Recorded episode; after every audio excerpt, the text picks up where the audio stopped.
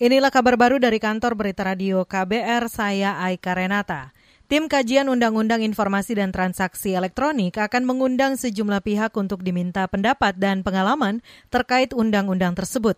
Ketua Tim Kajian UU ITE Sugeng Purnomo mengatakan, semua narasumber itu akan diundang dalam sebuah diskusi yang rencananya digelar bulan depan. Pertama kita akan utamakan dari klaster kelompok pelapor maupun terlapor kita ingin mendengar uh, apa sih yang mereka rasakan terkait dengan proses yang pernah dialami. Kemudian yang kedua adalah kelompok aktivis atau masyarakat sipil dan praktisi untuk melihat pada saat implementasi Undang-Undang ITE ini apa sih yang terjadi dalam pengamatan mereka. Ketua Tim Kajian Undang-Undang ITE Sugeng Purnomo menambahkan pihak lain yang akan diundang dalam diskusi yakni pers, pengamat di bidang pidana dan hukum siber, DPR, Polri, Kejaksaan, Mahkamah Agung, Komnas HAM, serta Komnas Perempuan.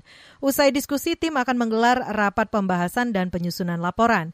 Tim ini akan menghasilkan rekomendasi implementasi dan rekomendasi perlu tidaknya undang-undang ini direvisi. Tugas tim ini akan berakhir pada 22 Mei mendatang. Kita beralih, Kementerian Pendidikan dan Kebudayaan menjelaskan skema baru kebijakan nilai satuan dana bantuan operasional sekolah atau BOS reguler tahun ini.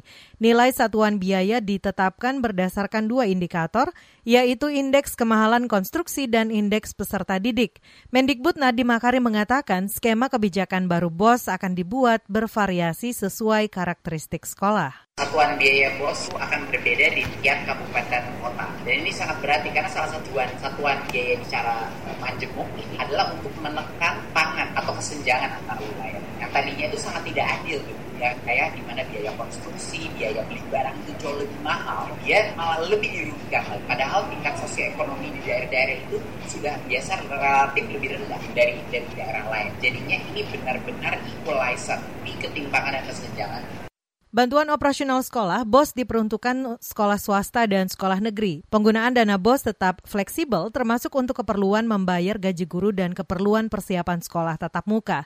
Penyampaian pelaporan penggunaan dana BOS dilakukan secara daring melalui laman Kemendikbud. Pelaporan itu sebagai syarat penyaluran dan peningkatan akuntabilitas penggunaan dana BOS. Kita ke satu informasi lain, Saudara. Bank Indonesia menyatakan mata uang kripto atau cryptocurrency semisal Bitcoin dan Dogecoin bukan alat pembayaran yang sah di tanah air, sebab mata uang tersebut tidak sesuai dengan aturan perundang-undangan.